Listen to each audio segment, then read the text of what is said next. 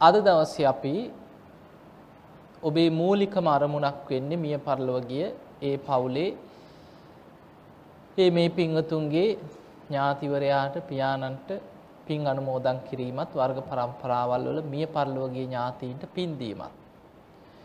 දැන් බුදුරජාණන් වහන්සේ මුණ ගැහෙන දවසක් ජානුස්සෝනි කියන බ්‍රාහ්මණයෙක් ඇවිදින් අහනවා ස්වාමීනි අපි මිය පරලොව ගියායට පින් දෙනවා. නොඑක් පින්කම් කරනවා මේ කරන පින මේ අය ගන්නවද කියලා අපිටත් තියෙන ප්‍රශ්නේනේ අපි පින් දෙනවා හත් දවසෙන් පින්කම් කරනවා තුන් මාසෙන් කරනවා අවුරුද්දෙන් කරනවා මේ කරන පින ලැබෙනවද බුදුරජාණන් වහන්සේ වදාළ බ්‍රාහ්මණය සුදුසු තැනදී ලැබෙනවා නුසුදුසු තැනදී ලැබෙන්නේ නැහැ කිව්වා. ඒකයි උත්තරේ. තේරුණාද? තේරෙන්නේ නැහැ.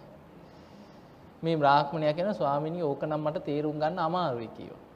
මට විස්තර කරලා කියන්න කිව්වා. මොකද්ද සුදුසු තැන මොකද්ද නුසුදුසු තැන කියලා විස්තර වශයෙන් කියන්න කිව්වා මට තේරුම් ගන්න. එතකොට ඇයි බුදුරජාණන් වහන්සේ කෙටියෙන් ඒ කීවේ? එතකොට උන්වහන්සේ විස්තර කරනවා. බුදුරජාණන් වහන්සේ වදාලා පින් ගන්න බැරි නුසුදුසු තැන් තමයි කීවා. කෙනෙක් පෙර අකුසලයක් හරි බලවත් වෙලා නිරේ වැටෙන්න පුළුවන්. කෙලෙස් සහිතව ජීවත් වෙන කෙනා සෝවාන් ඵලයට පත් වෙලා හිටියේ නැත්නම් ඕනෑම වෙලාවක මැරිලා නිරය තිරිසන් ලෝක, പ്രേත ලෝක, අසුර අපාය ආදී දුක් සහිත තැනකට වැටෙන්න පුළුවන්. එතකොට යම් කිසි කෙනෙක් මරණින් මත්තේ නිරේ ඉපදිලා හිටියෝ. නිරේ උපදින්න කොච්චර කාලයක් යනවද මැරුණාට පස්සේ? ඒ වෙලාවෙම නිරේට ඇදිලා යනවා. ආයි මේ දවස් 7ක් කැරකි කැරකි ඉඳලා මේ හත් දවසේ දාණයෙන් පස්සේ පින් අරගෙන නිරේට එහෙම එකක් නැහැ. ධර්මයේ තියෙන්නේ යථාබතන් නික්ඛිතෝ ඒවන් නිරේ කියනවා. ඔළුවේ තියාගෙන හිටපු බරක් බිමට වැටෙනවා වගේ. ඒ සැනින් චිත්තක්ෂණයයි. මෙහි මැරෙනකොටම චුත වෙනකොට ප්‍රතිසන්දි චිත්තේ ඊළඟ සැනින් පහළ වෙන්නේ නිරිසතෙක් හැටියට. සමහර විට මෙහි පාංශු කුල දෙනකොට එහෙ ලෝදිය බොනවා. ඒ නිසා මෙහි මැරෙනකොටම එහෙ පහළ වෙනවා නිරිසත්වයක් හැටියට. එතකොට මේ නිරේ ඉපදිච්ච කෙනා දැන් අපි දන්නේ නැහැ. කවුරුත් දන්නේ නැහැ. හැබැයි පින්කම් කරන්න පුළුවන්, පින් දෙන්න පුළුවන්, පින් අනුමෝදන් කරනවා. ඒ කෙනාට පින් ගන්න පුළුවන්ද? බෑ. දන්නෙත් නැහැ. පින් ගන්න පුළුවන්කමකුත් නැහැ. එතකොට පින් ගන්න බැරි තැනක් තමයි නුසුදුසු තැනක් තමයි කියව නිරේ වැටුනොත් කෙනෙක් දෙන පිනක්වත් අනුමෝදන් වෙන්න බෑ. ඊළඟට බුදුරජාණන් වහන්සේ වදාළ තිරිසං අපායේ උපදින සත්වයෝ ඉන්නවා. තිරිසන් ලෝකෙට වැටෙනවා සමහර මැරුණාට පස්සේ. තිරිසන් සතාට තේරෙනවද පින් අනුමෝදන් වෙන්න පුළුවන්ද? දැන් අපි හිතමු කවුරු හරි මැරිලා තිරිසන් ලෝකෙක ඉපදුනා කියලා. ඒ කෙනාගේ ඥාතින් මේ පින්කම් කරනවා. අනේ මෙහෙම මේ අසවලා නැති වෙලා දැන් අවුරුද්දයි අවුරුදු 2යි 5යි කියලා පින් දෙනවා. අර තිරිසන් ලෝකේ ඉන්න සත්වයෙක් දන්නවද සාදු සාදු කියලා අනුමෝදන් වෙන්න? නෑ. ඒ කෙනා දන්නෙත් නෑ පින් ලැබෙන්නෙත් නෑ පින් ගන්නත් බෑ. එතකොට පින් ගන්න බැරි තැනක් තමයි තිරිසන් අපායකට වැටුනොත් පින් ගන්න බෑ කියන්නේ. ප්‍රේත ලෝකේ ඉපදුනත් හැම ප්‍රේතයෙක්ම පින් ගන්නෙත් නෑ. ඒකයි ඊළඟ කාරණේ. ධර්මයේ තියෙනවා പ്രേත කොට්ටාස ගණනාවක් ගැන තියෙනවා. නිජ්ජාම තන්හික කියලා പ്രേත කොටසක් ඉන්නවා. නිතර බඩකින්නෙන් පිපාසෙන් ඇඟ ගිනි ගන්නවා වගේ පිච්චෙනවා කියලා. දැන් නිකන් හිතන්න මිනිස්සෙකුට උනත් මේ වේලක් දෙකක් කන්න නැති උටොත් බඩ පපුව දාලා යන්නේ නැද්ද බඩකින්නට? වේදනාවක්නේ කුසගිනි වේදනාවක්. එතකොට රීදෙනවා, දනවා. එතකොට මේ බඩ පපුව පිච්චෙනවා වගේ, ගිනි ගන්නවා වගේ වේදනාවක් දැනෙනවා. හැබැයි කොච්චර පින් දුන්නත් පින් ගන්න බෑ කියනවා. පින් අනුමෝදන් වෙලා සැප ලැබෙන්නේ නැහැ කියනවා. ඒ අය ගැන තියෙන්නේ හරියට වේලිච්ච ගල් තලාවක් උඩට උණ දලු ටිකක් කපලා දැම්මට පස්සේ හරියට අර වේලිච්ච රස්නෙට මේව ඇකිලිලා වේලිලා යනවා වගේ උඩු බැලි අතට වැතිරිලා විලාප දෙදී කෑ ගහනවා කියන බඩකින්නට. හැබැයි පින් ගන්න බෑ කියනවා. ඊළඟට ඉන්නවා කුණු පාස කියලා പ്രേත කොටසක්. ඒ අයගේ ආහාර තමයි මලකුණු වල තියෙන ඕජාව. මලකුණු වල තියෙන ඕජාව උරා බොනවා කියනවා. ඊළඟට දරුවෝ ලැබෙනකොට ගලන ගැප් මල ගිහින් ආග්‍රහණය කරනවා කියන. පිරිමින්ගේ කාන්තාවන්ගේ ශරීරවලින් නිකුත් වෙන නොයෙක් අසූචි වර්ග උරා බොනවා කියන. ආග්‍රහණය කරන. පින් ගන්න බෑ කියන. කොච්චර මහා පිංකම් කරලා පින් අනුමෝදන් කරත් කුණු පාස කියන പ്രേත කොටස ඉපදිලා ඉන්න പ്രേතේකට ඒ පින් අරගෙන සුවපත් වෙන්න සැප ලබන්න බෑ කියලා. ඊළඟට ඉන්නවා ගූත කාදක කියලා പ്രേතයෝ. මොනවද ආහාර කරගන්නේ? අසූචි. ඒ අය උපදින්නෙම අසූචි වලවල් වලමයි. අසූචි වලේ උපදිනවා අසූචි ආග්‍රහණය කරනවා. ලක්කන සංයුක්තයේ තියෙනවා දවසක් මුගලන් මහරහතන් වහන්සේ ලක්කන මහරහතන් වහන්සේ සමග ගිජ්ජකූට පර්වතයෙන් පහළට බැහැලා වැඩම කරනකොට අසූචි වලකින් ගොඩට ඇවිල්ලා ඉන්න ප්‍රේතියක් දකිනවා. ඒක දකින්න මුගලන් හාමුදුරුව විතරයි. ලක්කන හාමුදුරුවන්ට පේන්නේ ඉතින් අහනවා ස්වාමීනි ওই කාවද දැක්කේ? කවුරු දිහාද බලාගෙන එතකොට නමුත් ලක්කන හාමුදුරුවන්ට පේන්නේ බුදුරජාණන් වහන්සේ ළඟදී අහන්න කියලා. බුදුරජාණන් වහන්සේ ළඟදී අහනකොට මේ විස්තරේ කියනකොට බුදුරජාණන් වහන්සේ කරපු අකුසලයක් විපාකයක් පෙන්නනවා. ඒ වගේමයි තව තියෙනවා പ്രേතවත්වයේ තියෙනවා තමත් ওই වගේ പ്രേතය අමනුෂ්‍යය ගැන සිදුවීම් ගණනාවක්. එතකොට අපිට පේනවා මේ අසූචි වලවල් වල උපදින අමනුෂ්‍යය ඉන්නවා. සමහර වෙලාවට මේ අමනුෂ්‍යය ඒ අසූචි වලෙන් උඩට ඇවිල්ලා එහාට මෙහාට ගමන් කරනවා. අපිට පේන්නේ නමුත් අපිට ඒ දුර්ගන්ධේනවා යනකොට. සමහරු කියනවා මේ ගියේ ඇතුලෙන් හරිම ගඳක් එහාට යනවා මෙහාට යනවා මේ ප්‍රේත ගඳ කියනවා. මිනිස්සු දන්නේ නැද්ද? කියනවා. නමුත් පෙනුන් නැති වුණාට ඒ එහා මෙහා යනකොට එන ගඳ දැනෙනවා. එවැනි අසූචි වලවල් වල උපදින ප්‍රේතයන්ට පින් ගන්න බෑ. තව ඉන්නවා නොයෙක් විදිය ප්‍රේත වර්ග ඉන්නවා. කාලකංජික කියලා ප්‍රේතයෝ ඉන්නවා. පින් ගන්නම බෑ. එතකොට මෙවැනි പ്രേත කොට්ටාස ගණනාවක් ගැන ධර්මයේ සඳහන් වෙනවා මේ අතරේ කෙනෙක්ගේ පිනක් අනුමෝදන් වෙලා සුවපත් වෙන්න පුළුවන් පරදත්තූප කියන പ്രേතයෙකුට විතරයි කියන්නේ. පරදත්තූප කියන්නේ අනුන්ගෙන් පිනක් අපේක්ෂාවෙන් ඉන්න අය ඉන්නවා. හැම වෙලාවෙම අපේක්ෂා කරන අනේ අපේ ඥාතීන් අපේ දරුවෝ අපේ සහෝදරයෝ අපේ ඥාතීන් අපිව සිහිපත් කරලා පිනක් කරලා අපිට අනුමෝදන් කරાવી කියලා බලාගෙන ඉන්නවා. එතකොට එහෙම පින් කරලා පින් අනුමෝදන් කරනකොට ඉක්මනට ඒ දිහා බලාගෙන ඉඳලා සාදු සාදු කියලා අනුමෝදන් ඒ අනුමෝදන් වෙනකොට පිපාසයෙන් හිටියොත් පිපාසි නැති වෙනවා කියනවා. කුසගින්නෙන් හිටියොත් කුසගින්න නැති වෙනවා. ආහාර පහළ වෙනවා, වස්ත්‍ර පහළ වෙනවා, ඉන්න තැන් පහළ වෙනවා, විමාන ලැබෙනවා. හැබැයි අපිට පුළුවන් ද പ്രേත ලෝකේ ඉපදිච්ච කෙනෙකුට පින් අනුමෝදන් කරලා දිව්‍ය ලෝකෙට යවන්න පුළුවන්ද? ඒක කරන්න පුළුවන් කමක් නැහැ. පින්වතුනි පේතවත්වයේ තියෙනවා සාරිපුත්ත හාමුදුරුවන්ගේ ආත්ම පහකට කලින් අම්මා වෙච්ච ප්‍රේතියක් ගැන. දැන් හිතන්න සාමාන්‍ය කෙනෙක්ද කියලා. අසංකේයකුත් කල්ප ලක්ෂයක් අග්‍ර ශ්‍රාවක තනතුරක් ලබන්න පෙරම් පුරාගෙන ආවේ සාරිපුත්ත හාමුදුරුවෝ. එතකොට ඒ වගේ පින්වන්ත කෙනෙක්ගේ අම්මා කෙනෙක් ආත්ම පහකට කලින් අම්මා වෙලා හිටපු කෙනා. මැරිලා പ്രേත ලෝකෙ ඉපදුනා.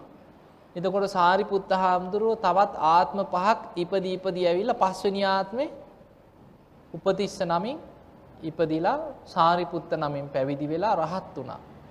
බුදුරජාණන් වහන්සේගේ අග්‍ර ශ්‍රාවකේ ප්‍රඥාවන්තයින් අතර අග්‍රයි ධර්ම සේනාධිපති හැබැයි අර අම්මා ප්‍රේත් ආත්ම පහකට කලින් പ്രേත ලෝකෙට වැටිච්ච අම්මා අවුරුදු දහස් ගාණක් ඒ වෙනකොටත් പ്രേත ලෝකේ.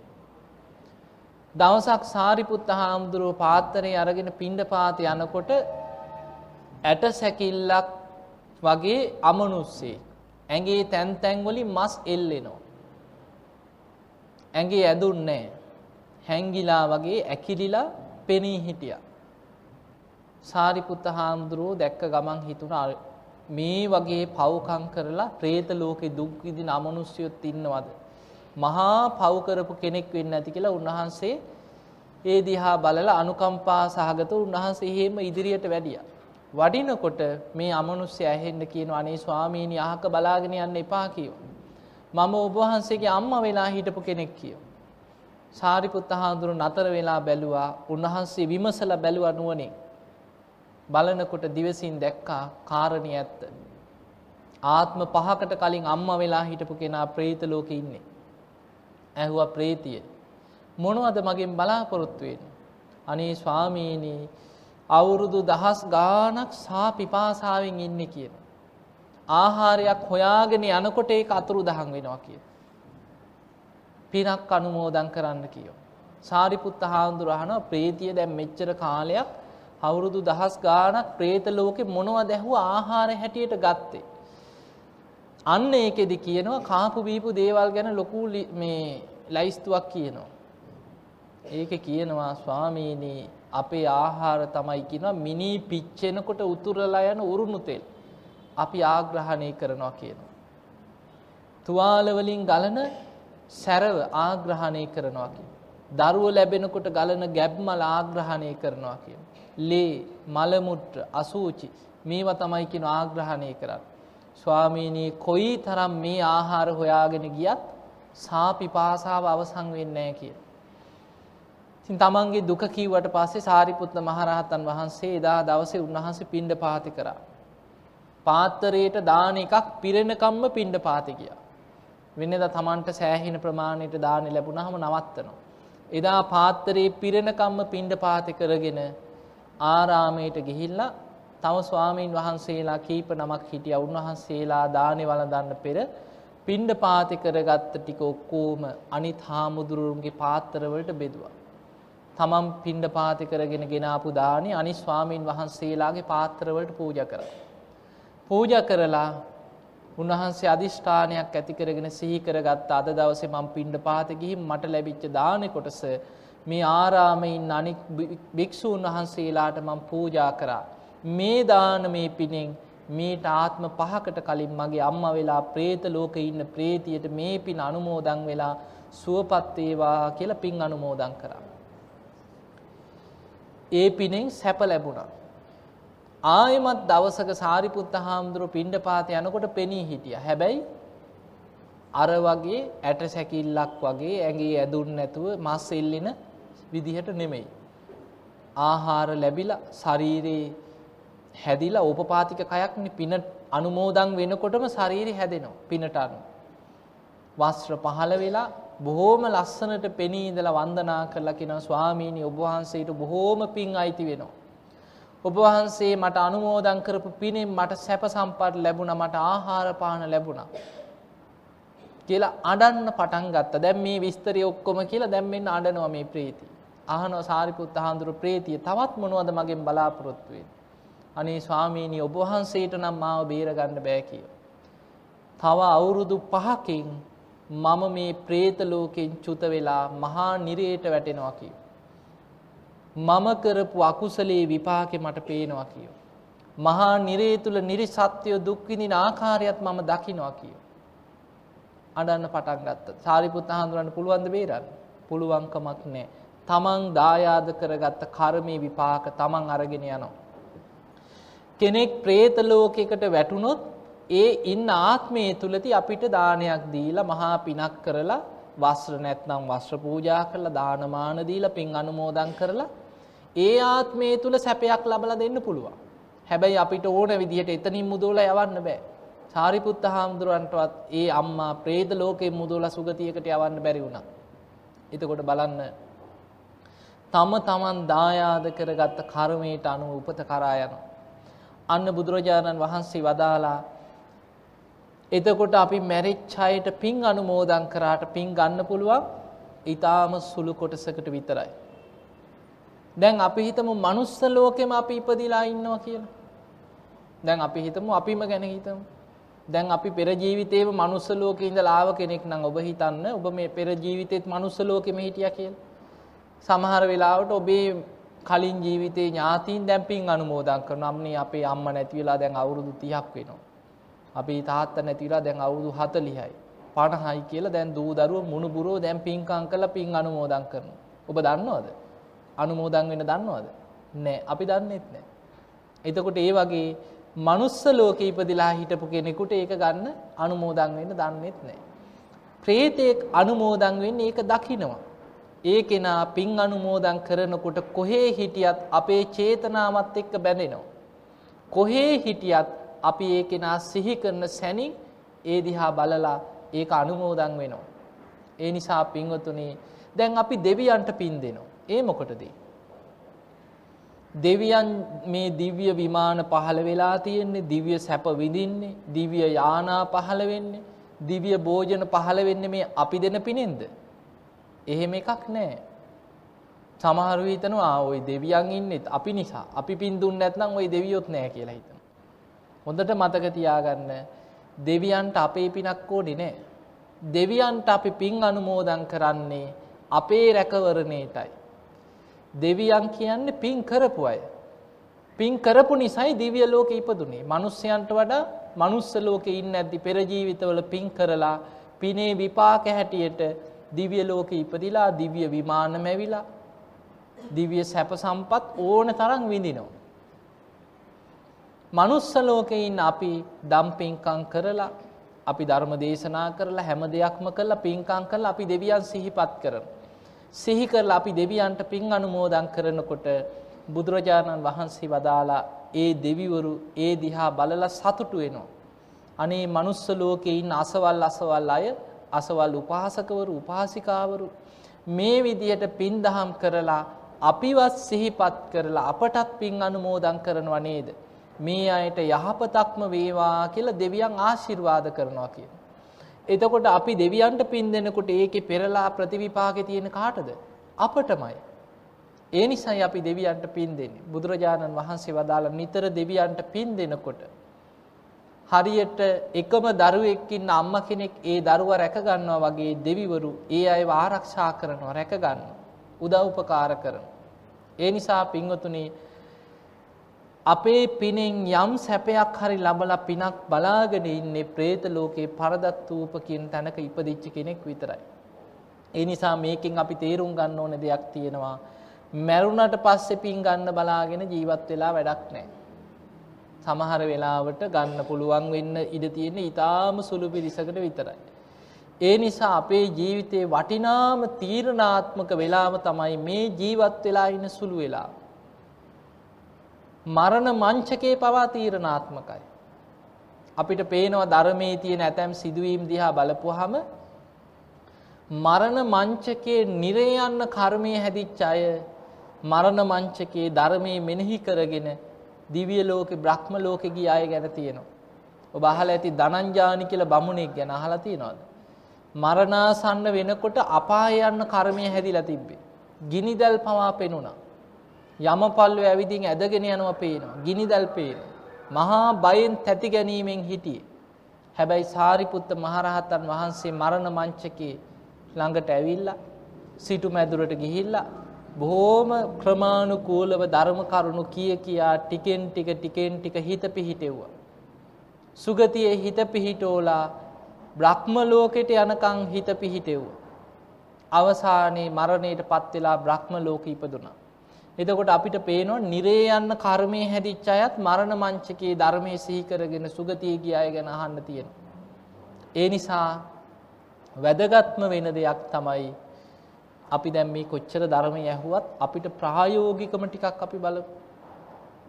අපිට වැදගත්ම වෙන දේ තමයි මරණාසන්න කෙනෙක් අන්තිම වෙලාවේ ඒ කෙනා වටේ ඉන්න අය ගොඩක් දුරට බලපානවා මරණාසන්න කෙනාට සුගතිගාමී වීම පිණිස හිත හදාගන්න.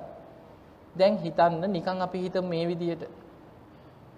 මරණ මංචකයේ ඉන්න කෙනෙක් කොච්චර අසරණ වෙනවද කියලා හිතන්න.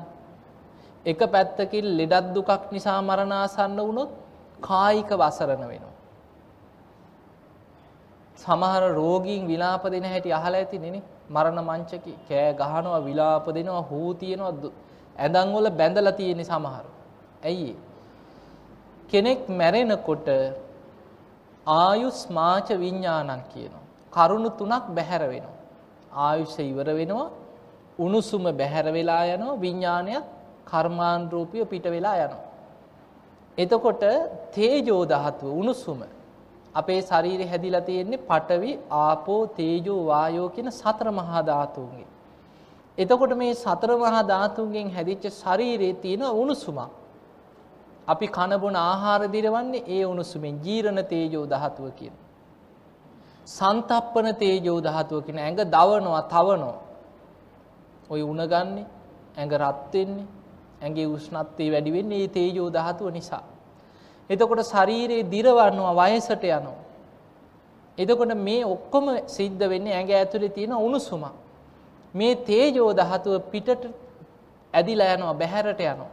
මැරෙනකොට. ඒකනේ මැරුණාට පස්සේ සීතල වෙන්නේ. එතකොට මරණාසන්න කෙනෙකුට විශාලම වේදනාවක් 10ක් දැවෙන්නේ මේ තේජෝ ධාතුව ඇගෙන් එළියට ඇදිලා යනකොට ලොකු වේදනාවක් දැනෙනවා. බලන්න ධර්මයේ තියෙනවා ඇතැම් සිටුවරු. බොහෝ දෙනෙක් මරණාසන්න වෙලාවේ උපමා වලින් කියනවා. අනාථපිණ්ඩික සිටුතුමා කියනවා ස්වාමීනි හතර දෙනෙක් මාව උස්සගෙන ගිහින් ගිනි අඟුරු වලකට දාලා පුච්චනවා වගේ මුළු ඇඟම දනවා කියන. ඒ මොකද? අර තේජෝ ධාතුව 10 ඇඟෙන් එළියට ඇදිලා යනකොට ඇතිවන වේදනාව. හැබැයි හැමෝටම මොකද ওই විදිහටම දැනෙන්නේ කෙනෙකුට තප්පරයක් දෙකක් දැනෙන්නත් පුළුවන්. කෙනෙකුට විනාඩියක් දෙකක් ඒ වේදනාව දැනෙන්නත් පුළුවන්. කෙනෙකුට පැයක් දෙකක් වේදනාව දැනෙන්න දවස් ගණන් පණ අදින අයත් ඉන්නවා. දැකලා ඇතිනේ නේ. එතකොට මැරෙනකොට ඇඟෙන් තේජෝ ධාතු එළියට ඇදිලා යනකොට විශාල දාහයක් දැවීමක් පිච්චීමක් දැනෙනවා. ඔබ හිතන්න මෙවැනි විශාල වේදනාවක් ඉදිරි කෙනෙකුට හිත පිහිටව ගන්න එක ලේසිද අමාරුද? ධර්මයේ සිහි කරන එක අමාරුයි. හැබැයි මේ අමාරු දේ කරගන්න අය ගැන අපිට අහන්න තියෙන ඕන තරම් දේශනාවක්. දැන් හිතන්න නිකන් අපි වර්තමානයේ මේ එක්ක ඉස්පිරිතාලේ ඇඳක ගෙදර ඇඳේ එක්ක පුටුවේ ඔහොමනේ බොහෝම බොහෝ දෙනෙක් මැරෙන්නේ. එතකොට සාමාන්‍ය ලෙඩක් දුකක් අසනීපයක් හැදිලා මැරෙන එකද අමාරුම දේ ගුටි කාලා මැරෙන එකද කියලා හිතන්න. ගුටි කාලා මැරෙන එක ලේසිද අමාරුද? අමාරුයිනේ. හැබැයි බිම්බිසාර රජතුමා මැරුම් කෑවේ කොහොමද? කොච්චර වද විදලාද? සාමාන්‍ය නිකන් අතින් පයින් ගහලාද? කකුල් පැලුවා. උඩ එල්ලලා යටිපතුල් පළලා ලුණු එබුවා කකුල් ඇතුළට යටිපතුලට. රත් වෙච්ච ගිනි ගිනි අඟුරු උඩ අර යටිපතුල් පළලා ලුණු ඔබලා ගිනි පොකුරු උඩ ඇවිද්දෙව්වා. එච්චර වද දුන්නා. එතකොට වද දීලා වද දීලා තමයි මැරුවේ. පන පිටින් යටිපතුලේ ඉඳන් හැම ගලවනවා නම් කොච්චර වේදනාවක්ද? ඒ වගේ දස වද දීලා මැරුවේ. හැබැයි හිතන්න අද කෙනෙකුට මේ මරණ මංචකයේ ඇතිවන වේදනාව තුල හිත පිහිටව ගන්න බැරුව හූ තිබ්බට විලාප දුන්නට බිම්බිසාර රජතුමා ඒ තරම් වද හිංසා කරනකොටත් බුදු ගුණ සිහි කරනවා.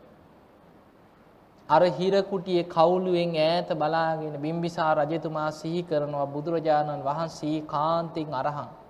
සම්මා සම්බුද්දයි. විද්‍යාචරණ සම්පන්නයි. සුගත ලෝකවිදු. අනුත්තරෝ පුරිස ධම්ම සාරති. සත්තා දේව මනුස්සාන බුද්ධෝ භගවා. හොඳට හිතනවා. ඊළඟට සිහි කරනවා මේ ධර්මය ඒ කාන්තේම සත්‍යයක් ඉපදීම දුකයි කියලානේ බුදුරජාණන් වහන්සේ දේශනා කරේ ඉපදිච්ච නිසා නේද මම මේ මේ තරම් දුක් වේදනා වලට විඳින්නේ දැන් බුදුරජාණන් වහන්සේ ඉපැද්දෙව්වා නම් කවුද වැරදිකාරයා දැන් අපි හිතනවා කවුරු හරි නිසා ඉපදුනා. දැන් බුදුරජාණන් වහන්සේ ඉපැද්දෙව නෙමෙයිනේ. උන්වහන්සේ දේශනා කරේ ඉපදීම පුරාණ මිදම් භික්කවේ කම්ම. පෙර කර්මයක විපාකයක්. එතකොට තම තමන් රැස් කරගත්ත කර්ම විපාක නිසා උපදිනවා. ඉපදුනාට පස්සේ මොකද වෙන්නේ? ජරා, මරණ, ශෝක, පරිදේව, දුක්ඛ, දෝමනස්ස, උපායාස ආදී සියලු දුක් දුම්නස් ඔක්කොම විඳින්නේ ඉපදීමත් එක්ක. හැබැයි කවුරු හරි කීවොත් මම තමයි මේ සියලු සත්‍යයන් උපද්දවලා තියෙන්නේ. එතකොට අන්නේ කෙනාට ඇඟිල්ල දික් කරලා බනින්න ඕන ලෙඩ වෙනකොට, වයසට යනකොට, ජරාවට එනකොට ඇයි මේ මිනිස්සු මේ තරම් දුක් දුම්නස් විඳින්නේ කවුරු නිසාද? අර උපද්දවපු කෙනා නිසා. හැබැයි බුදුරජාණන් වහන්සේගේ ධර්මයේ එහෙම දේවල් නැහැ. ඒ නිසා බිම්බිසාර රජතුමා ධර්මයේ මෙනෙහි කරනවා. බුදුරජාණන් වහන්සේ කොයි තරම් සත්‍යයක්ද. දැන් හිතන්න නිකන් බිම්බිසා රජතුමා ගැනම හිතන්න කොච්චර බුද්ධිමතෙක්ද කියලා. රජතුමා රාජකීය උයන වේලු වනාරාමි සඟ සතු කරලා පූජා කරා. මහා දන් පැන් දුන්නා. ඒ තරම් පින්කම් කරපු රජතුමාට පෙර කර්ම විපාකයක් නිසා තමයි හතුරෙක් ආවේ දරුවෙක් හැටියට. අන්තිමට ඒ අජාසත්තගෙම මැරුම් කන්න වුණා දුක් විඳලා දුක් විඳලා. සාමාන්‍ය සද්ධාාවක් නැති කෙනෙක් නම් බුදුරජාණන් වහන්සේ ගැන හිතන්නේ කොහොමද. මං මෙච්චර පින්කං කරා කෝ මට මේ වැවිපාක. හිතනවද නැද්ද. මගේ උයන රාජකීය උද්‍යානය මං සඟ සතු කරලා මේ කුටි හදල මෙච්චර විශාල පළවෙනි ආරාමි පූජ කරපු මට මේ හිරබත් කන්න වුණා කෝ බුදු හාමුදුරුව මාව බේරගත්තා. එහෙම හිතන්න නැද්ද. අන්න ධර්මය දන්න ඇති කෙනා නම් එහෙමයි හිතන්න. දැන් අද අපිට මේ ලෙඩක් වුණත් කවුද වැරදිකාරය. අපි මෙච්චර බෝධි පූජා තිබ්බ අපිටමයි කියෙනවා මේ ඔක්කොම. අපි මෙච්චර දම් පැන් දෙනවා අපිටමයි කියෙනවා මේ හෙන අර අරුන් යසාගේට ඉන්නවා කියලා කවරුහරි පවකාරයෙක්ක පෙන්න්නනවා. ඇත්තද බොරුද. හැබැයි බිම්බිසා රජතුමා බලන්න බිම්බිසා රජතුමා අච්චර වේලු අනාරාමේ තමන්ගේ රාජකීය උයන සඟ සතු කරලා පූජ කරා. දහස් ගනම් භික්‍ෂූන් වහන්සේලාට වැඩඉන්න වේල්වනාරාමි කුටි සෙනසුන් හදල දුන්න. සංඝයා උදෙසා මහාදානමය පූජාවල් පින්කං කරා. ඒ තරම් පින්කං කරලා හැබැයි පෙර වෛරක්කාරයෙක් දරුවෙක් හැටියට ඇවිදින් මේ අජාසත්ත නිසා ඒ තරම් වදහිංසා විඳල මැරුම් කෑව. හැබැයි අජාසත්ත ගැන වෛර බැන්දෙත් නෑ. තමන් කරපු පිනට ගරහා කරෙත් නෑ බුදු ගුණ හිත හිතා හිටිය. දැන් හිතන්න අපි දියුණුද රජතුමා දියුණුද. රජතුමා කොච්චර දියුණුද කියලා හිතන්න තවත් පෙන රජතුමාගේ දියුණුව. දැන් ඔබ නිකං හිතන්න අපි සීල් ගන්නවා බණ භාවනා කරන අයින්. ඔබේ දරුවෙක් ඔබව කාම්බරයකට දාලා කන්න නොදී වහලා තියෙනවා. දවසක් දෙක. එච්චර ඔන්න දවස් දෙකක් වහලා තිබ්බ කියලා ආ හිට පංබ කියලා දොර වහලා ඉවරලා යතුරු අරගෙන යනවා. දැන් ඔබට බුදුගුණ හිතන්න පුළුවන්ද? ධර්මයේ සිහි වෙයිද? ඉපදිච්ච නිසා නේද මේ මේ වදහිංසා මං විඳින්නේ කියලා හිතෙනවද? නෑ. වර්තමානයේ අපිට පේනවා මේ දරුවන්ට සාප කර කර සමහර මැරෙන්නේ. මම මූට ඉගැන්වුවේ මෙහෙමයි කන්න දුන්නේ මෙහෙමයි මේ කා මට දෙන වදහිංසා කිය කිය අර දරුවට සාප කර කර මැරෙන අය නැද්ද? ඉන්නවා. ඇයි තමන් දන්නේ නෑ තමන්ගේ හිත රැක ගන්න දන්නේ නෑ. මොන ප්‍රශ්නාවත් මොන ගැටලුවාවත් මොන විදිහේ දේවල් ආවත් තමන්ගේ හිත රැකගන්න තමන් දක්ෂ වෙන්න ඕන. අන්න බිම්බිසා රජතුමාට ඒ දක්ෂතාව තිබුණා. කකුල් පලලා ලුණුදාල වදහිංසා කරනකොටත් ධර්මී සිහි කරගත්තා තමන්ගේ හිත රැකගත්තා. මැරුණා. දැන් බලන්න එච්චර වදදීලා මැරිලා දුගතියකට වැටුනද. නෑ ජනවස්සභ කියලා දෙවි කෙනෙක් වෙලා ඉපදුනා. දීගනිකාය තියෙනවා ජනවසභ කියලා සූත්‍රයක්. බුදුරජාණන් වහන්සේ ගිජ්ජකූට පරවතේ වැඩ ඉන්නකොට රජගහනුවර මේ ජනවසභ කියන දෙවියන් විශාල දිවි ආලෝකයක් මවාගෙන බුදුරජාණන් වහන්සේ ඉදිරියේ රාත්‍රී පළවෙනි යාමේ පෙනී ඉඳලා වන්දනා කරලා කියනවා ස්වාමීනි මම තමයි කිව ජනවසභ දිව්‍ය රාජය. මමයි කිව ජනවසභ දිව්‍ය රාජය. බුදුරජාණන් වහන්සේ අහනවා ජනවසභ දැන් ඔබ දිවිය ලෝකේ ඉපදිලා මොකක් දැහුව ඔබේ අරමුණ මොකක් දැහුව ඔබ මේ දවස්වල කරන්න. ස්වාමීනී මං සකදාගාමී පලයට පත්වෙන්න උත්සාහ කරනවා කි. ඉදට මනුස්ස ලෝකෙදි සෝවාන් වෙලා හිටිය. බුදුරජාණන් වහන්සේට දිවිය ලෝක ගැන විශාල විස්තරයක් කරන. ස්වාමීනී පෝය දවසට දෙවියන් එකතු වෙනවා කිව සුධර්මා දිවිය සභාවට. ධර්ම සාකච්ඡා කරන්න. චාතුම් මහරාජික යාම තුසිත නිම්මාන් රති පරණිමිත වසවර්ති තාවතින් සාදී මේ දෙවිවරු සුධර්මා දිවිය සභාවට එකතු වෙලා පිරිලා ඉන්නවා මේ දිවිය සභාවට දෙවියන්ට බණ කියන්න එනවා සුද්ධාවාස බ්‍රහ්ම ලෝකෙ ඉඳං අනාගාමි ඵලයට පත්වෙච්ච දෙවි කෙනෙක්. සනන් කුමාර කියලා බ්‍රහ්ම දෙවි කෙනෙක්. මේ දෙවියන් ඇවිදින් අර සුධර්මා දිවිය සභාව ඉන්න දෙවිවරුන්ට දහම් දෙසනවා. එතකොට මේ විස්තරේ ගැන කියලා කියනවා ස්වාමීනී දිවිය ලෝකෙ ඉන්න දෙවියන් අතරින්. මනුස්ස ලෝකෙදි තුනුරුවන් ගැන හොඳ සද්ධාාවක් දියුණු කරපු. සීලවන්තකම දියුණු කරගත්ත. ධර්මඥානයේ ත්‍යාග සම්පත්තිය ප්‍රඥාව දියුණු කරපු දෙවියන් අනෙක් සියලු දෙවිවරුන්ට වඩා දිවිය වර්ණයෙන් තේජසින් බබලනවා කියන. මේ විදිය ලොකු විස්තරයක් කරලා බුදුරජාණන් වහන්සේට වන්දනා කළ අතුරු දහන් වුණ. දැම් බලන්න අච්චර වදදීලා මරලා ඒ එකක්කත් කීවෙනෑ.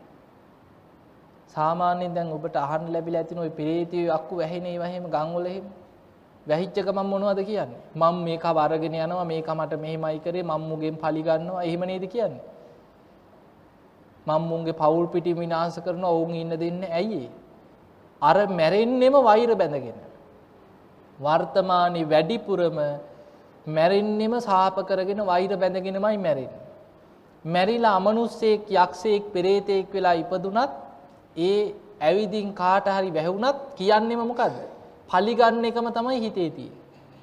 අර කරපු දේවල්මයි හිතේ පිහිටවාගෙන. හැබැයි බලන්න ජනවසභ දෙවියන් දිවිය ලෝක ඉපදිල අච්චර වදදීලා මරලා. කකුල් පලල ලුණුදාල ගිනි පොකුරුට ඇවිද්දොල එච්චර වදදීල බැරුවේ බිම්බිසා රජතුමා. හැබැයි දිවිය ලෝක ඉපදිලා බුදුරජාණන් වහන්සේ මුණ ගැහුණ. නිකමටවත් අනේ ස්වාමීනී භාග්‍යතුන් වහන්ස මාව මැරුවේ මේ විදිහටයි කියලා එහෙම දෙයක්ත් කීවෙන එහෙම දෙයක්ත් දේශනාවෙනෑ. ස්වාමීනි මන් දැන් සකදාගාමී වෙන්න මහන්සි ගන්නවා කියලා වන්දනා කළ අතුරු දහන් වුණ. පසුවදා බුදුරජාණන් වහන්සේ භික්‍ෂු සංඝයා රැස් කරා. මේ පිරිස රැස් කරලා බුදුරජාණන් වහන්සේ වදාළ මහනෙන ඊයේ රාත්‍රී විශාල ආලෝකයක් විහිදවාගෙන දෙවි කෙනෙක් ඇවිදින් මම තමයි ජනවස්සබ මමයි ජනවස්සබ දිවියරාජයා කියලා මේ විදිේ කතාවක් කරා කියෝ. මේ නම කියනකොටම ඉස්සරහා හිටපු ආනන්ද හාමුදුරුව වැඳගෙන නැකිට්ට. නැකිටලා කියන ස්වාමීණී මට අවසරයි ඒ කාන්තයෙන්ම ජනවසභ දෙවියන් නමින් ඔය නං එන්න ඇත්තේ බිම්බිසාර රජතුමා මයි කියව. බුදුරජාණන් වහන්සේ වදාළ ආනන්ද ඔබ ඉලක්කෙට හිතුව කියව. ඔබේ සිතීම ඔබේ සැකකිරීම හරියට හරි කියව. ඊ රාත්‍රී ජනවසම නමින් පෙනී හිටිය බිම්බිසා රජතුමා කිය. එතකොට අදටත් දිවිය ලෝක ඇති ජනවසම නමින්. එතකොට අපිට පේනවා මරණ මංචකේ කොයි තරං වදවිදලද මැරුණ. ඒත් සුගතිය ගියා. දැන් අපි තව උදාහරණයක් ගමු. ගින්නෙන් පිච්චිලා මැරෙනවා. දැකල ඇතින පිච්චිලා මැරිලා යන එනේ ගෑස් ලිපවල් පුපුරලා මැරෙනවා ගින්නෙන් පිච්චිලා. වෑර් ෂෝට් වෙලා ගිනි ගන්නවා ගෙවල් ගිනි ගන්නවා ගොඩ නැගිලි ගිනි ගන්නවා වාහන ගිනි ගන්නවා. ගින්නෙන් පිච්චිලා නිකං හිතන්න පණ පිටින් ගින්නකට පිච්චිලා කරවෙලා යනකොට කොච්චර අමාරුද කියලා. එවැනි වෙලාවක ධර්මයක් සිහි කරගන්නවා කියන එක ලේසි අමාරුද? ගින්නෙන් පිච්චෙනකොට. නිකම් පොඩ්ඩක් ඇගිල්ල පිච්චුනත් කොච්චරී දෙනවද මුළු ඇඟම පිච්චෙනකොට ධර්මය සිහි කරන එක ලේසි අමාරුද? අමාරුවේ හැබැයි හිතන්න සාමාවතී ඇතුළු පන්සීයක් කොහොමද මැරුණේ. ගොඩනැගිල්ලටම ගිනි තිබ බමාගන්දියාව. හිටපු මාලිගාවටම රෙදි පාංකඩ ඔතල කනුවලට උණු තෙල් වක් කරලා ගිනි ගන්න තෙල් වක් කරලා ගිනි තිබ්බ පලිගන්න. එතකොට මේ මාලිගාවම ගිනි ගත්තා. දොරවල් ලොක්කොම වහල අගුල් දාලා තමයි ඉගිනි තිබි පැනගන්න අතක් නෑ. අන්තිමට සාමාවතී දැම්මි භික්‍ෂූණීන් වහන්සේලාද.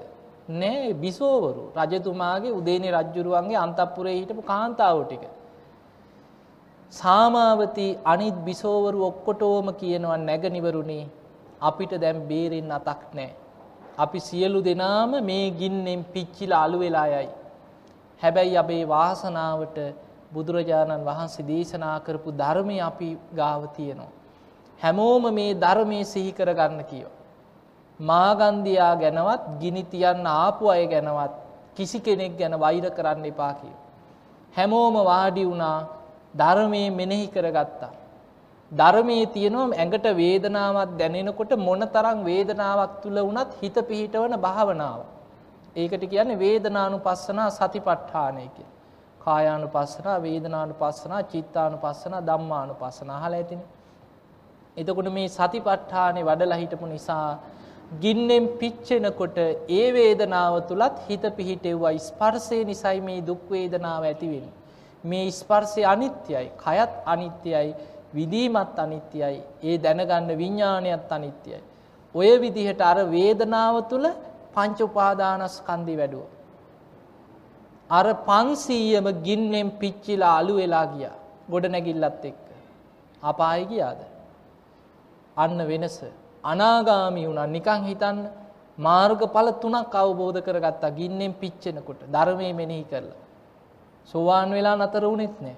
අනාගාමී වෙලා 500ම සුද්ධාවාස බ්‍රහ්ම ලෝකෙ ඉපදුනා. එතකොට අපිට මේවෙන් පේනවා මෙච්චර ගින්නෙන් පිච්චිලා මැරෙනකොටත් ධර්මයේ සිහි කරගන්න පුළුවන්. ගුටි කාලා මැරිච්ච බිම්බිසාර රජතුමා අච්චර වද දීලා කකුල් පළලා ලුණු දාලා වද දීලා මරලත් ධර්මයේ මෙනෙහි කරගෙන සුගතිය ගියා. ඇයි අපේ පවුල් වල අයට මේ මොකද්ද වෙලා තියෙන්නේ? අද අපි දන්න අයට මොකද වෙන්නේ? නිකන් ලෙඩක් දුකක් උණක් හෙම්බිරිසාවක් හැදුනත් ධර්මයේ මතක නැහැ. ඇයි ප්‍රායෝගිකව ධර්මයේ ගලපගෙන නැහැ. මේක නිකන් බණ අහනවා අර සෝබනේට බණ අහන. ඒ නිසා ඒ බණ අහලා අපිත් බණ අහලා තියෙනවා අපි ඕව දන්නවා ඕව අහලා තියෙනවා. එහෙම ධර්මයේ වැඩෙන්නේ නැහැ. ඒ නිසා අහන ධර්මය ප්‍රතිඵල ගන්න නම් යෝනිසෝ මනසිකාරය දෙන්න කිය. තමන් තුළ අංග දෙකක් තියෙන්නවා. ඒ අහන ධර්මය නුවනින් විමසමින් තමන්ගේ ජීවිතයට ගලපා බැලීමට කියෙන යෝනිසෝ මනසිකාරය. ඊළඟට දම්මානු දම්ම ප්‍රතිපදාවක ජීවත්වෙන්න ඕන. ධර්මයට අනුකූල ජීවිතයක් ගත කරන්න දක්ෂ වෙන්න ඕන. තමන් අවංකව හෘද ශාක්ෂියට එකඟව සිල් රකින්න ඕන මේ කාටවත් පේන්න නෙමෙයි. අපි සිල් රැක්ක කියලා අහල පහලෙවුන්ට සුගතිය යන්න බෑ. තමන් සිල් රැක්කොත් කාටද ප්‍රතිඵලේ.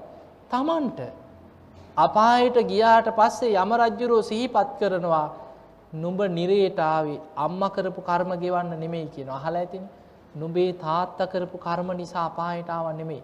නුබේ ඥාතීන් යාළුමිට්‍රයෝ අසල් වැසියෝ නෑදෑයෝ කවුරුත් කරපු කර්ම නිසා අපායටාව නෙමෙයි කියනවා.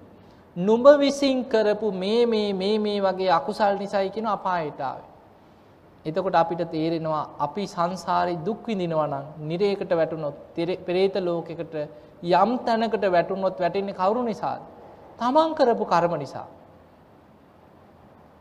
එතකොට මේක කාටවත් පිටින් දිලා දැන් අපිට අහන්න ලැබෙන්නේ මොනවද? මේ අනුන්ගේ කර්ම කියනවා මේ මගේ පිටින් ගියේ.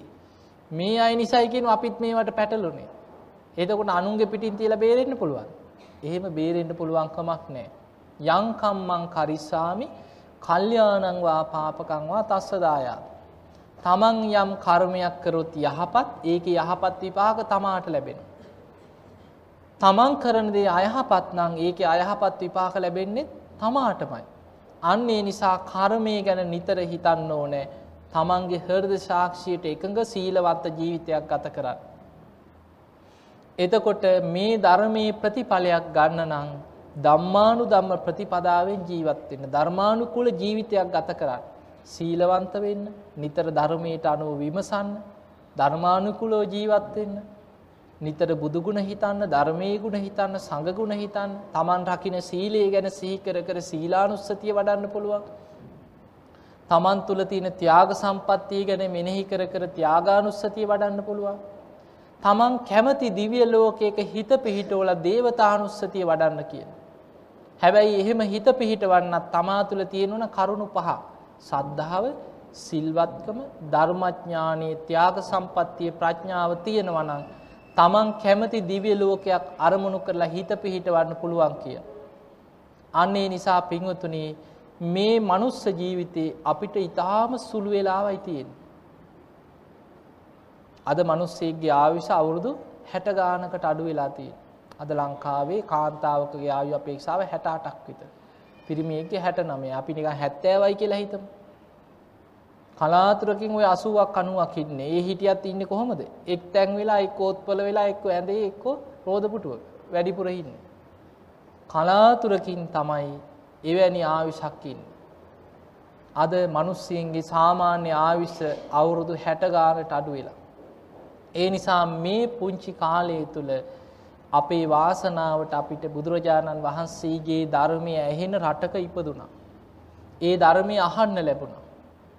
තාමත් ප්‍රමාද නැහැ. සිහි නුවණ තියෙනවා, නුවණ තියෙනවා, කල්පනාව තියෙනවා, වීරිය ඇති කරගන්න පුළුවන්. ඒ නිසා අප්‍රමාදී වෙන්නට ඕන. අප්‍රමාදී වෙන කෙනා තමයි මේ ධර්මයේ ප්‍රතිඵලයක් ලබන්නේ. ඒ නිසා අපි දන්නේ නැහැ මිය පරලොව ගිය අයට අපි පින් දෙනවා. හැබැයි පින් ගන්නත් පුළුවන්, නොගන්නත් පුළුවන්. දැන් ජානුස්සෝනි කියලා බ්‍රාහ්මණයා මේ කාරණේ කියපුවාම බුදුරජාණන් වහන්සේගෙන් අහන ස්වාමීනි දැන් අපි පින් දෙනකොට ඒ ඥාතීන් පින් ගන්න බැරි තැනක හිටියොත් පිනට මොකද වෙන්නේ කියලා. එහෙමත් අහනවනේ මිනිස්සුනේ. බුදුරජාණන් වහන්සේ වදාලා බ්‍රාහ්මණය අපි පින් දෙනකොට ඒ දෙන පින ඒ ඥාතියට ගන්න බැරි වුණත් අපේ වර්ග પરම්පරාවල් වල මිය පරලොව ගිය ඥාති මෙපමණයි කියලා කියන්න බෑ කියලා. බිම්බිසාර රජතුමාගේ පින් ගන්න බුද්ධංකුර ගණනාවක්. බුද්ධංකුර 92කට කලින්. එතකොට මේට බුදුවරු ඒ කියන්නේ කල්ප 92කට කලින් විපස්සී බුදුරජාණන් වහන්සේටත් පෙර බුදුරජාණන් වහන්සේගේ කාලේ අකුසල් කරලා නිරේට වැටිලා දුක් විඳලා දුක් විඳලා පෙරේත ලෝකෙට ආපු പ്രേත කණ්ඩායමක් බලාගෙන හිටියා පින් ගන්න ගෞතම බුදුරජාණන් වහන්සේගේ කාලේ බිම්බිසාර රජතුමා ඒ වේළුවනාරාමේ පූජා කරලා මහා පින්කම් කරලා පින් අනුමෝදන් කරයි කියලා ඒ පින ගන්න බලාගෙන හිටියා. ඒ මුල් කරගෙන තමයි තිරෝකුඩ සූත්‍රය දේශනා කරේ. එතකොට අපිට පේනවා සමහර වෙලාවට අපි දන්නෙත් නැහැ කල්ප ගණන් පෙර නෑදෑකන් ඥාතිකන් තියෙන මේ ප්‍රේතයෝ අමනුෂ්‍යයන්ට මේවා තේරෙනවා. දැන් අපි ජීවත් වෙන්නේ අවුරුදු 60යි 70යි වුණාට අමනුස්ස ලෝකයේ ආයුෂ අවුරුදු දහස් ගණන් දස දහස් ගණන් සමහරු ලක්ෂ ගණන් പ്രേත ලෝකවල ඉන්න අමනුෂ්‍යයෝයි. ඒ අය බලාගෙන ඉන්නවා මේ ඥාති සම්බන්ධතා මත දැන් බලන්න සාරිපුත්ත හාමුදුර හොයාගෙන ආවේ ආත්ම පහකට කලින් අම්මා කෙනෙක් පින් ඉල්ලගෙන. එතකොට පින් ගන්න බලාගෙන ඉන්න ඥාතීන් ඉන්නවා. අන්න ඒ අය පින් දෙනකොට අනුමෝදන් වෙනවා කියන. ඒ නිසා අපි පින් දෙනකොට එක්කෙනෙක් විතරක් සිහිපත් කරන්න එපා. පින් අනුමෝදන් කරනකොට ඒ අපි දන්න කියන ඥාතීන්ට අමතරව පින් අපේක්ෂාවෙන් ඉන්න යම්තාක් ඥාති පිරිසක් ඉන්නවා නම් ඒ සියලු ඥාති මේ පින් අනුමෝදන් වෙලා සුවපත් වේවා කියලා සියලු දෙනාට පොදුවේ පින් දෙන්න. අන්න එතකොට ඒ පින් ගන්න පුළුවන් තැන්වල ඉන්න යමෙක් ඉන්නවා නම් ඒ හැමෝම පින් ගන්න. දැන් ඒ අපි එහෙම කරන්නේ ඇයි? මැරිච්ච කෙනෙකුට අපිට අතින් අතට යමක් දෙන්න බෑ. මෙන්න අපි ඇඳුමක් ගත්තා මෙන්න මිය පරලෝ ගිය තාත්තටත් සරමක් කමිසයක් කියලා අතින් පූජා කරන්න බෑ. එතකොට අපි පිඟා බත් පිඟානක කනකොට ඒ මැරිච්ච කෙනාටත් බත් පිඟානක් බෙදලා එහෙම දෙන්න පුළුවන්ද? එහෙම දෙන තැනුත් තියෙනව නේද? දැකලා නැද්ද? පෙරේත කොට්ටක් තියෙන කොච්චර ලැජ්ජාවක්ද බලන්න. සමහර පැතිවල තියෙනවා අනේ මැරිලා දවස් 7 යනකොට දැන් මෙන්න අනේ මේසෙ කෑවේ දරුවොත් එක්ක මේසෙට ඇරලා කෑම ගත්තේ දැන් වත්තේ කිරෝලකින් එක්ක පැදුරක් කෙලලා ඒකේ බත් ටිකක් තියලා පිඟානට බෙදලා ආස කරන දේවල් ඔක්කොම තියලා කිසිම ලැජ්ජාවක් නැතුව කෑ ගහනවා. තාත්තී එක්ක අම්මී කියලා කෑ ගහනවා මේ කාලා බන අහලා යන්න ඉන්නෝ කියලා. අහලා නැද්ද? තියනවාද මේ පැතිවලත්? කොහෙන් ආවද මන්ද මේවා? එතකොට බලන්න කොච්චර ලැජ්ජාවක්ද කියලා. ගමටම කියනවා කෑ ගහලා මෙන්න අපේ පවුලේ මැරිච්ච එකා පෙරේතෙක් කියලා. ඒ නිසා සමහර තැන්වල බලපුවාම පේනවා එක්ක සිගරට් එකක් පත්තු කරලා ඒ අයිනකින් තියෙනවා. දැකලා නැද්ද? වීදුරු දෙකක් තියලා තිබ්බොත් බීලා මැරිච්ච කෙනෙක්. කුණු වෙලා මැරිලා තියෙනවා. එකක වතුර අනිකේ බීපු ඒවා. එතකොට ඔය වගේ දේවල් සිද්ධ වෙනවා. ඒ නිසා හොඳට තේරුම් ගන්න මැරුණට පස්සේ අපිට අතින් අතට යමක් දෙන්න බෑ. අපිට කරන්න පුළුවන් පිනක් කරලා පින් අනුමෝදන් කිරීම විතරයි. හැබැයි පින් ගන්න පුළුවන් තැනක ඉන්නේ ඊටාම සුළු කොටසක් විතරයි. ඒ නිසා හොඳට මතක තියාගන්න. අපි මැරුණට පස්සේ නම් පින් ගන්න බලාගෙන ඉන්න එපා. පුළුවන් තරම් අප්‍රමාදී වෙන්න මරණ මංචකයේදී ධර්මයේම සිහි කරගෙන ධර්මයේ හිත පිහිටවා ගන්න. ඒ නිසා මේ හැම දිනාටම ධර්මයේම සිහි කරගෙන ධර්මයේම හිත පිහිටවාගෙන ධර්මයේම අවබෝධ කරගන්න වාසනාව උදා වේවා කියලා අපි ආශිර්වාද කරනවා.